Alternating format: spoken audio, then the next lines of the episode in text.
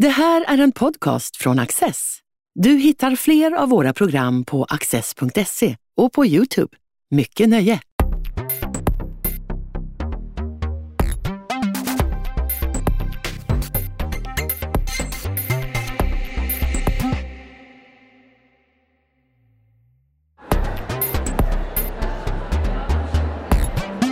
Vad gör egentligen en psykiater? Stefan Krakowski ger oss en inblick i behandlingen av akut sjuka patienter. Men också om psykiaters kunskap om terrorism och mental hälsa. En intressant berättelse av en psykiater som alltid gått sin egen väg. Din mamma sa så här när du, blev, när du valde att bli psykolog att kan du inte bli en riktig doktor? Hur kändes det och hur tänker du idag om det? Har du, har du gjort rätt yrkesval? Eh, ja, först och främst, jag är inte psykolog, jag är psykiater. Ja, psykiatriker, förlåt, Eh, förlåt. Ja. Ja, ehm, ja, hon sa det och eh, det... eh, jag, jag dög inte, jag var inte så mycket värd då. Därför att eh, från början var det ju så att jag, jag ville inte bli läkare alls. Nej. Eh, och, eh, sen, men eftersom jag var så snäll och eh, försynt och lydig eh, pojke som gjorde vad föräldrarna sa eller tyckte var bäst för mig så, så blev jag det ändå. Men sen när jag valde psykiatri så dög det ändå inte riktigt för att man skulle ju bli kirurg eller eh, hjärtspecialist och sådär. Då var man en, en riktig läkare. Ändrade hon sig någon gång? Ehm, ah, tveksamt.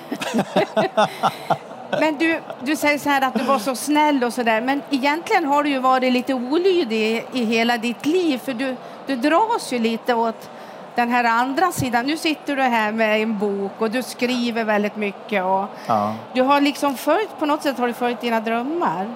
Ja, Jag har, det har blivit väldigt konstigt eftersom om man, om man på något vis, som jag kände mig tvingad till ett yrkesval mer eller mindre, eh, men ändå inte riktigt accepterar det, utan försöker förtvivlat, febrigt hitta någon, nå- något sätt att ändå landa och hitta det man verkligen brinner för inom vissa givna ramar, eh, så det, kan det bli så väldigt tokigt och äventyrligt som det har blivit för min del eh, hittills. Och, ehm, Sen kom jag på att jag kunde spränga ramarna och helt, helt strunta i det som jag var egentligen utbildad för. Eh, Även om det oftast fanns en viss koppling ändå. Men det har ju blivit en, en ehm, tidvis eh, berg och dalbana genom livet yrkesmässigt kan man ju lugnt säga. Psykiatriker är ju ett ganska tufft jobb. Och på ett sätt när jag läser din bok så känns det lite grann som att du spränger ramar även där. Ja. Och du har sagt så här att jag tycker inte man ska krångla till det för mycket. Psykiatri är ungefär 90 procent sunt förnuft. Och det är väl lite grann det som har varit din ledstjärna och, krånglat till det ibland. Ehm, ja, jag kanske krånglat till det i mitt eget liv yrkesmässigt. Ja. Men när det gäller psykiatrin så står jag verkligen fast vid det, Ja. att man inte ska krångla till det. Man ska framför allt inte eh, stämpla folk som psykiskt sjuka när de reagerar helt normalt på saker och ting som händer i livet. Mm. Det är viktigt. Ja, du pratar också om att em, människor är situationsadekvata. Ja. Berätta lite om dina teser där. Ja, ehm, negativa livshändelser ehm, eh, utlöser negativa känslor och positiva eh, livshändelser utlöser positiva känslor. Eh, en nära anhörigs död, eh, skilsmässa, en havererad relation gör att man blir väldigt ledsen. Det blir nästan alla. Eh, till och med får mörka tankar, till och med dödstankar. Allt det här är fullt normalt. Det behöver inte betyda att psykiatrin ska gå in. Det betyder inte att man behöver söka vård och det betyder definitivt inte att man behöver en, en psykdiagnos och behandling. Ibland behövs ju det om det går väldigt långt och, och är ganska eh, och att tillståndet håller i sig. Men, men normalt sett så, vi, vi, vi lever i en tid där man inte accepterar att livet går lite i vågor. Nej. Man måste liksom vara lycklig precis hela tiden, verkar det som. Och är man inte det så är det någonting som är fel. Och då ligger det väldigt nära till hands att man kanske får en diagnos, tyvärr. Och sen är liksom det hela igång. på ett väldigt olyckligt sätt. Visst har det accelererat, alltså just det här, att, det här med psykisk ohälsa och psykisk hälsa, att det har blivit mm. någonting som nästan är inne, att man nästan ska ha lite problem, eller? Ja, men på sätt och vis tror jag att det är ja. så. Det, vi, vi, ser ju en förändring de senaste åren vad man söker akut för egentligen mm. och det är ofta den, den yngre generationen, mm. men inte bara faktiskt skulle jag nog säga. Att man söker akut på en mottag, akutmottagning för saker och ting som man kanske inte skulle gjort för fem eller åtta år sedan. Mm. Och det var det jag menade när jag menade att du sa att du spräng, spräng, sprängde gränser även där. För du har varit på många jobb och där du tycker att människor har blivit behandlade fast de inte behövs. Nej. Att, att, man, att man väldigt lätt lägger in. Kan du inte berätta lite grann om, om, om den kampen? Jag vet liksom... Ja, det är en pågående kamp. Ja. Det är en pågående kamp. Det, jag, jag, jag ägnar väldigt mycket tid jag skulle vilja säga nästan dagligen eftersom mm. jag oftast arbetar på en akut intagningsavdelning eller på akutmottagning så tillbringar jag ganska mycket tid med att försöka mota, liksom, jag ska säga rädda folk från att läggas in och liksom bli en del i det här maskineriet. Mm. Psykiatri, den akuta psykiatrin och slutenvårdspsykiatrin måste, de, plats, de få platser som är kvar måste vi ge till de som verkligen är svårt psykiskt sjuka. Mm. Eh, de andra kan behöva hjälp på annat sätt. Eh, ofta kanske de inte behöver hjälp från vården alls. Mm. Men ibland så är det lite märkligt för att det, det verkar som om ingen riktigt har talat om för vissa patienter att det är okej okay att känna så här. Det, det, här låter väldigt banalt men det, det, det, det den här, bara den här veckan som har gått har jag faktiskt tillbringat ganska mycket tid med att säga det och det ofta möts jag av en lättnad. Därför att det, har man väl börjat om man väl har börjat och, och, och blivit, eh, kommit in i det här då, då är det lätt att det blir en förlängning av sjukskrivningen eller det blir en upprepning av diagnosen och så vidare. Mm. Så det, man ska vara varsam med mm. diagnosen, man ska vara varsam mm. Eh, och, och inte sjukförklara normala reaktioner. Mm. Det, det tror jag är viktigt. Och där har du ju utmanat och du har varit på arbetsplatser du har sett liksom att människor har gått på medicin och varit sjukskrivna fast egentligen de inte alls är sjuka och Nej. fått dem att och sluta med sin medicin. Ja. ja. Men det, är, det, har, det har också kostat på. Ja. Därför att det, allt har ett pris på något sätt. Det, mm. Dels är det svårt att, om, alltså vem som helst som skulle vara sjukskriven i ett år, två år, tre år, mm. helt overksam utan att någonting händer. Man blir passiviserad. Det är svårt att komma tillbaka. Det gäller oss alla egentligen. Sen är det prestige också. Mm. Jag menar, om, om det är så att en patient har fått en diagnos och jag ser att det här inte är korrekt, det stämmer inte. Mm. Eh, det är någonting som har gått fel. Mm. Så kan det ibland vara prestige inblandat också. Att, att en, en, eller flera kollegor kan känna sig trampade på tårna. Mm. Mm. Vilket är så synd, därför att det är ju egentligen patienten som ska komma i första hand. Och man måste ha så mycket självkritik så att man, man, man, man, man eh, om någon, blir en second opinion mm. eller third opinion för den delen på patient så är det ju någonting som tillför någonting positivt mm. ändå. Du har ju i din bok, du tar upp flera autentiska fall och det är ju de här 10 procenten då kan man säga ja. som man inte kan bota med sunt förnuft. Nej. Om du skulle välja att få berätta om ett av fallen, vad, kan, kan du göra det? Alltså de är ju otroligt gripande alla, men kan du, om du väljer ett som du jag har ju skrivit, eh, jag tror att det kanske är ett dussin olika fall ja. som jag tycker täcker upp eh, psykiatrin, alltså typ, typexempel på fall som jag har samlat och som jag har eh, mött. Och eh, ett fall som handlar om en, en uh, ung tjej som uh, har en personlighetsstörning. Och där det går fel från första början egentligen därför att man misstolkar symptom. Alltså personlighetsstörning, det som kallades för borderline tidigare. Eh, det är en grupp som, som eh, har blivit mer och mer aktuell och som, som eh, ofta ligger inne. Mm. Ofta får de ligga inne i väldigt, väldigt lång tid. Jag har sett fall som legat inne ett halvår, ett år, två år mm. på en avdelning på ett sjukhus. Två år? Ja. Och eh, problemet är här att det verkar idag finnas ett glapp på något sätt i att tolka det en patient beskriver och berättar och omsätta det i en, i en korrekt diagnos och behandling. I det här fallet så var det en, en, eh, den här unga tjejen som sa att hon hörde röster. Vi ser en tendens just nu hos den här gruppen patienter att eh, på något vis eh, eh, berätta om psykotiska symptom som mm. till exempel rösthallucinos eller synhallucinos mm. som egentligen hör hemma i, när det gäller psykossjukdomar. Det här misstolkas väldigt ofta. Mm. Eh, utan det här är ett uttryck för, för ohälsa, för att man inte mår bra. Man vill markera väldigt mycket att jag mår inte bra. Och då, då, då säger man det här, men det, är, det bottnar inte i någon äkt, inga psykotiska symptom. Problemet med det här är att om det misstolkas så sätter man de här patienterna på ganska tung psykofarmaka, tunga mediciner, injektionsbehandlingar. Och sen accelererar det här mer och mer.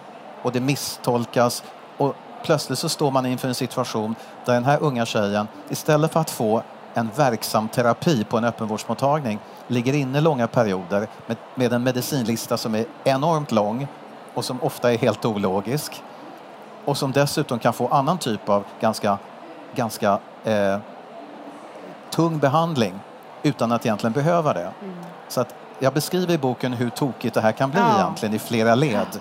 För du, du, egentligen så har du ju en, en kritik också gentemot din egen kår, eller mm. hur? Det är liksom det som... Och det är därför du liksom... Du säger upp dig. Du blir osams. Alltså, psyko, psykoanalysen till exempel. Ja. Det, det, det blev en föreläsare så arg på det nästan så han kastade ut det från föreläsningen. Ja. Varför är du så arg på det? Susanne Osten har det likadant. Susanne, stackars Susanne Osten får sig en släng av sleven i boken. Ja, nej, jag, eh, jag gillar ju inte vidskepelse. Jag gillar inte eh, eh, tomtar och troll. Liksom. Jag, vi, det måste basera sig i mesta möjliga mån på vetenskap. Jag kan säga en överväldigande majoritet av mina kollegor håller med mig i allt jag säger och allt jag skriver i boken. Det är jag övertygad om. Mm. Problemet är att när det verkligen kommer till skott så att säga så gör man inte alltid det man tycker är man borde göra så att säga. Det, det, det är svårt i vissa lägen att, att, att hålla emot så att säga därför att kraven idag är så stora från därför att psykiatrin är ju inte som andra specialiteter. Mm. Eh, de politiska beslut och visst politiker liksom som går in och lägger sig i och till och med åsikter om behandling. Eh, det ställs krav på diagnoser, mm. Eh, neuropsykiatriska diagnoser. Föräldrar vill att barnen ska få diagnoser, att de, inte att de ska bara få en utredning, de ska få en diagnos.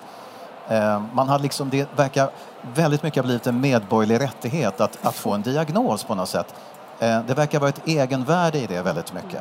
Och, eh, så att psykiatrin särbehandlas på det viset. Och, det gör att man befinner sig ofta under, i en väldigt speciell situation nu, nu har man också börjat på sina håll med så kallade självinläggningar, det vill säga patienter, oftast den här gruppen som jag nyss beskrev, den här unga tjejen, har rätt att lägga in sig på några dagar på en avdelning. Vilket är djupt olyckligt naturligtvis, därför att det gör ju att man sätter väldigt mycket ur spel. Eh, det finns de som inte ska hålla med mig om det här, eh, andra kollegor till mig, men jag är av den fasta övertygelsen att det måste fortfarande vara en läkarbedömning innan någon läggs in på en avdelning. Ja. Eh, det kan inte vara så att... Därför att det, det, det, då hamnar vi i en situation som vi inte, som vi inte eh, har kontroll över överhuvudtaget. Mm. Tycker jag. Men du, du har ju gjort lite annat också. Mm. Helt plötsligt blev du filmsensor. Ja, jag fick... ja och du sa att det är det roligaste jobbet du har. Ja, jag fick, jag fick, faktiskt, um, jag fick faktiskt betalt för att titta på porr. Um, bland annat. Ja. Eh, och eh, det var bara en liten del av det hela. Det, är ju så att Statens biografbyrå hette den, en, det var den minsta och den äldsta myndigheten i Sverige. Eh, och den hade till uppgift att det var de som satte åldersgränser på, på biograffilm. Mm. Och det var egentligen det enda undantaget från yttrandefrihetslagen i Sverige. Det vill säga allt som skulle visas offentligt var, var man tvungen att förhandsgranska. Och för mig som är filmtokig var det här rena drömjobbet. Det var uselt betalt, men jag fick ändå betalt att titta på filmer som skulle ha premiär kanske ett halvår senare. Och en del av det hela var ju då att när jag kom in i det här 2005 någonting, 2004, eh, så var polisen väldigt aktiv, gjorde razzior i videobutiker för man letade efter barnpornografi och våldspornografi. Då var man tvungen att granska, det var vår uppgift att granska det här eh, materialet och sen lämna över det till justitiekanslern för eventuellt åtal. Eh, men det fanns också där det fanns en ansvarig utgivare för vanlig pornografisk film. Så man lämnade in det här frivilligt så förhandsgranskade vi det och var det okej okay, då kunde man inte åtala de här ansvariga utgivarna för porrfilmen i efterhand. Det var det som var finessen liksom, rent legalt. Vilket gjorde att det kunde bli ganska bisarrt. Eh, en bisarr arbetssituation. Mm. Eh, men anledningen till att jag tyckte att det här var ett fantastiskt kul jobb det är att man fick jobba med, med regissörer, med, med rektorer, med lärare, med, med liksom alla möjliga eh, eh experter på, inom sina respektive områden och, och, och, titta på film. Mm. Eh, det är ju helt fantastiskt egentligen. Men du, jag tänker, du har ju också du har ju också närmare terrorismen. Ja. Din mentor är Magnus Ranstorp. Ja. Kan du inte berätta lite grann om den drivkraften? Vad är det som... Jag, eh, eh jag, jag har eh, en examen från St. Andrews universitetet i terrorism och kontraterrorism och har intresserat mig för eh, radikalisering och rekrytering till terrornätverk. Eh, det här handlar ju då om islamister, våldsbejakande islamister. Det som jag har skrivit om nu på sista tiden har blivit ganska uppmärksammat, det är ju de så kallade incels, alltså män, of, eh, män som lever i ofrivilligt celibat eh, och där det ibland har slutat med massskjutningar.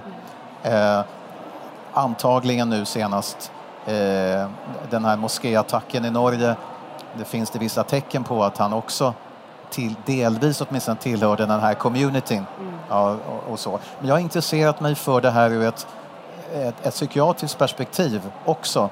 Eh, hur de här mår och så vidare. Vi har, det är ganska lite forskning kring det här eh, och eh, där skulle jag vilja göra betydligt mer. Ja, du drömmer om att börja forska, eller hur? Ja, kring det här skulle jag nog gärna, ja. det skulle jag nog gärna göra. Ja. För att man kan väl säga så här att terrorister i allmänhet är väl inte psykiskt sjuka, men de här ensamvargarna, det är där du hittar det, va? Helt, eh, precis, exakt så är det. Eh, så att varje gång, oavsett om det är Donald Trump eller Carl Bildt eller någon annan som säger att det här terrordådet har begåtts av galningar så är det helt enkelt sannolikt inte sant. Eh, därför att de, de de terrorister som tillhör celler eller organisationer eller är affilierade till, till organisationer, de är av allt att döma inte sjukare än vad normalbefolkningen är.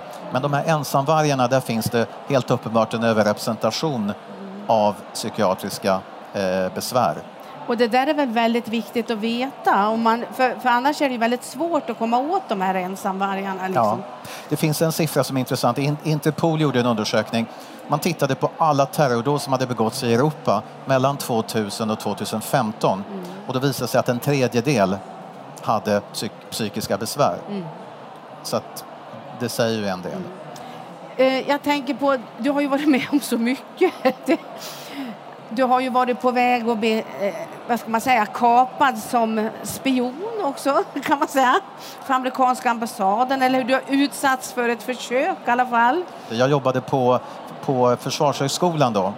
Mm. Eh, och eh, då blev jag eh, eh, utsatt för ett ganska klassiskt eh, sätt att eh, försöka värva mig som informatör.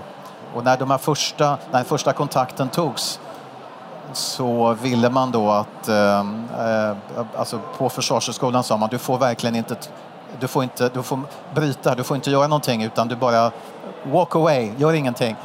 Men då tänkte jag att nej, men det kan vara kul att se hur de bär sig åt, hur de ska försöka och det beskriver jag i boken hur, hur, hur det hela gick till. Det var ganska klassiskt egentligen. Ja. Och så ställde du rätt frågor, eller hur? För att de skulle bli intresserade av dig som person.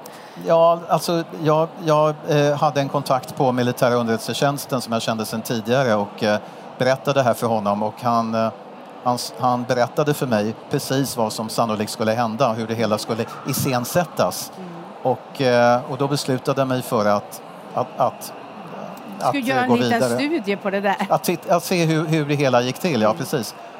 Och, och, det som började med ett slumpmässigt möte med en eh, ambassad, med en, en diplomat i en paus under en föreläsning.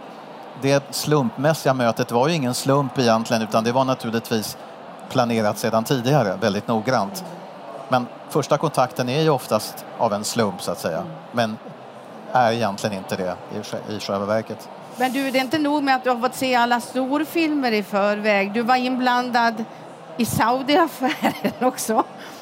Som fick Sven ja, det... Tolgfors att avgå. Ja, jag visste ju inte det, att jag var inblandad i det. Utan jag var ju en av två värdar för Försvarsmakten när en saudisk delegation skulle komma till Sverige. Och det var fråga om jätteaffär med, med eh, både Saab och Ericsson och Försvarets materielverk och alla, väldigt, väldigt många tunga aktörer var inblandade. Eh, och det, det, det, var ganska hektiska Eh, dagar och eh, det var ju väldigt nervöst innan. Man fick de här som jag beskriver i boken, de här nervösa mejlen från försvarsdepartementet och jag, jag förstod liksom inte vad denna... Ni måste, ni måste vara försiktiga, ni måste tänka på sig, ni får inte reta upp dem och ni måste vara väldigt... Det kom de här mejlen några gånger per dag.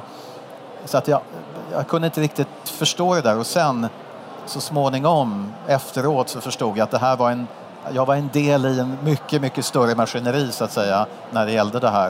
Eh, men den delegationen, den var, eh, det var väldigt högt uppsatt delegation och det var med tanke på det som händer nu i Mellanöstern så var det ganska intressant att se hur saudierna nästan chockerande var, eh, var chockerande öppenhjärtiga i samtalen med mig och med de andra när det gällde just rädslan för Iran. Där man var livrädd för eh, Iran och iranska kärnvapen i framtiden. En, min uppgift under det här besöket var ju bland annat att ta en av generalerna, saudiska generalerna, till Södersjukhusets underjordiska sjukhus. Det finns, på Södersjukhuset finns det ju en, ett fält fältsjukhus kan man säga, som är byggt för att stå emot kärnvapenangrepp.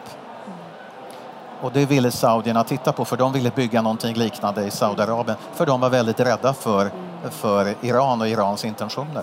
Det här handlar ju också om den vapenfabriken, vi kanske ska säga det. Det handlar om vapenfabriken också. Ja. Men du, du har ju haft ett annat väldigt intressant upp, uppdrag också. Eh, när du blev eh, Sveriges medlem i SPT, alltså i antitortyrkommittén. Ja. Det, kan du inte berätta lite om det? Alltså, du, du hårda utfrågningar först. Ja, jag, jag grillades först av, eh, en, eh, en, eh, av några parlamentariker, svenska parlamentariker, riksdagsmän.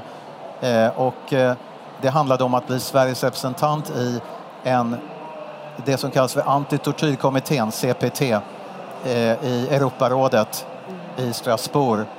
Och vår uppgift var att inspektera de medlemsländer som är anslutna till Europarådet, som ingår i Europarådet, överallt där folk sitter frihetsberövade. Det kan vara fängelser, det kan vara polisstationer, flyktingläger, psykiatriska kliniker också för den delen. Eh, väldigt mycket fängelser. Och, eh, och se till att man respekterade de intagnas mänskliga rättigheter, de frihetsberövades mänskliga rättigheter. Mm, och där träffar du bland annat en terrorist. Ja. Mm. Jag träffade en kvinnlig terrorist i Tyskland eh, på, en, på en av fängelserna där. Precis. Mm. Hon tyckte du ställde konstiga frågor? Ja, hon tyckte att jag var... Eh, därför att min uppgift, hon hade ju suttit på isolering väldigt, väldigt lång tid. Och sitter man isolerad under väldigt lång tid så blir det förr eller senare ganska allvarliga problem rent psykiskt. Eh, så att jag försökte få henne att öppna sig och frågade hur det känns att har hon några besvär, hur känns det? Och hon var, blev mer och mer eh, irriterad på mig därför att eh, och sen, sen sa hon till efter det här en timmes långa samtalet ungefär så sa hon att, eh, att uh, there's too much feelings. Um, he only want, the Swedish the representative only wanted to talk about feelings.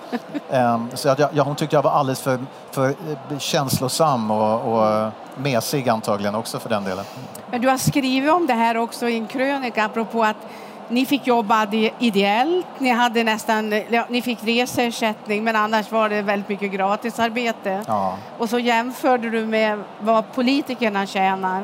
Varför tror, de att, varför tror du att de sätter så stor skillnad mellan just de här två uppdragen? För, för ditt uppdrag är ju minst lika viktigt, eller var ju minst lika viktigt. Ja, ja jag, jag vet faktiskt inte men eh, jag, jag kunde, vi kunde bara konstatera att vi fick jobba nästan dygnet runt. Man la sig sällan, man åt, ofta åt vi middag vid midnatt mm. och man hade några timmars sömn och det var liksom i ett, en vecka, två, upp till två veckor nonstop i ett mm. land. Och vi fick ett traktamente som skulle räcka till både hotellkostnader mm. och mat och allting annat. Så att det var väldigt mycket ideellt. Mm. En del av mina kollegor hade ju eh, möjlighet att liksom ta ut ledighet eller, så att inte deras ordinarie lön påverkades eller ersättning. Men för oss andra som var på något vis hade, e- jobbade för oss själva med egna företag eller på något, vi, för oss var det här en, en, eh, en ren Men jag tyckte att det här var så spännande, så intressant och viktigt. Så att jag jobbade ändå med det här i först en, en mandatperiod, fyra år, sen valde, omvaldes jag men valde sen att hoppa av efter ett tag därför att det gick helt enkelt inte. Nu sitter du här med din bok och du har hoppat av väldigt många jobb. Du slutade där också efter fyra år, eller hur? Ja, fem. Fem, fem år. år ja. ja. Nu, nu, du har nästan nått, eh, du är på väg att nå, eller du har nått din dröm. Du är på väg att gå in i nästa fas i livet där du får nyttja all din kunskap, skriva, vara författare. Men kommer du, tror du att du kommer att släppa psy psykiatrin ändå? Eller är, är den med dig hela livet på något sätt som en röd tråd i allt du gör och säger? Den kommer nog alltid finnas med. Men mitt problem är ju, det är så jag fungerar, jag blir ju aldrig nöjd.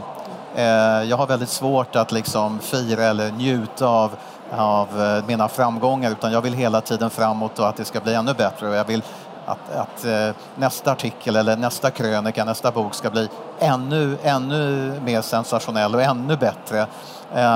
så att det är min rastlöshet helt enkelt. Men jag hoppas ju kunna ägna mer tid åt skrivandet och mindre åt det kliniska arbetet som, som läkare. Men det kommer nog alltid finnas där naturligtvis, det tror jag. Har, har du form, formulerat någon diagnos på dig själv? Jag vågar inte. Men jag är, säker, jag är ganska säker på att mina kollegor har gjort det. Tusen tack. Tack så mycket. Du har just lyssnat på en podcast från Access. Du vet väl att vi också är en tv-kanal och tidning? Teckna en prenumeration idag på access.se.